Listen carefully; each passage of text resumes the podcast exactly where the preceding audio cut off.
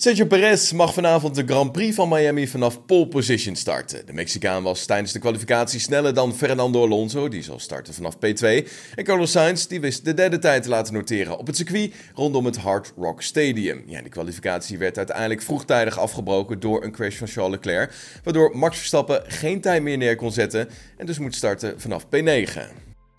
Ik maakte natuurlijk zelf die eerste fout. Ik probeerde op de limiet te rijden en door die fout moest ik de ronde afbreken. Ja, dan is het enorm balen dat je die rode vlag krijgt. Maar dat kan gebeuren op een stratencircuit. Het hele weekend is het goed gegaan en nu sta je negende. Dat is niet waar we willen staan en ook zeker niet waar we moeten staan. Ik ben een beetje boos op mezelf, zo zei hij tegenover Verstappen.com. Ja, vandaag moet Verstappen gaan beginnen aan een inhaalrace. De Nederlander domineerde de vrije trainingen en tijdens de race is Red Bull nog door niemand in 2023 evenaard. Vertrouwen is er dan ook wel genoeg bij Verstappen. Hij zegt dat de snelheid goed is, maar nog niet hoe het moet zijn. Zijn doelstelling is minimaal P2. Ja, we kregen heel vaak de vraag binnen waarom Q3 nou niet werd hervat tijdens de kwalificatie. Want daar waar een rondje binnen een minuut en 30 seconden afgerond kon worden, werd Q3 toch niet meer hervat.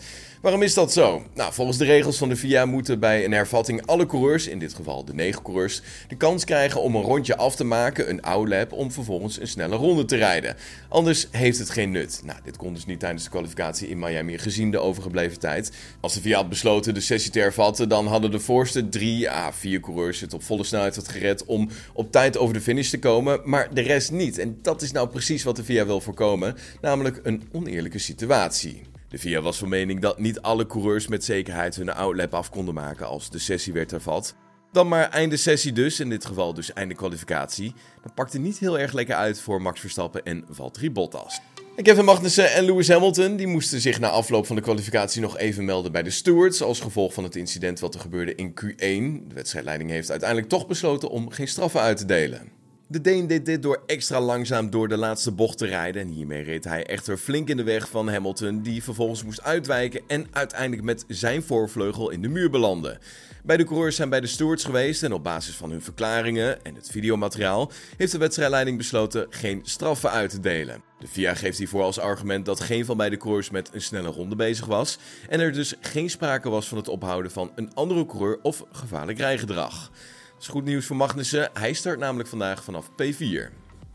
Erik de Vries kan enigszins uh, ja, toch wel positief terugkijken op de kwalificatie in Miami. De Nederlander wisten tot Q2 te schoppen, maar kwam niet verder dan de 15e plek. Hij weet dat het uh, vandaag een lastige race kan gaan worden, maar hoopt toch wel te kunnen profiteren van fouten van anderen. In tegenstelling tot de vorige raceweekenden lijkt het nu iets beter te gaan bij de Nederlander. Na gevraagd waarom het dubbeltje nu wel zijn kant op lijkt te vallen, reageert hij het volgende. Denk niet dat je het zo moet zien. Het is gewoon een samenkomst van omstandigheden. Als je gewoon langer genoeg erin blijft geloven en je werk blijft doen, dan komt het vanzelf. Het is vroeg in het jaar, dus gewoon rustig mijn tijd afwachten. Zo zegt hij tegenover Viaplay. De Vries mag de race vandaag vanaf P15 starten. Hij weet dat het een lastige race kan gaan worden, maar toch geeft hij de moed niet op.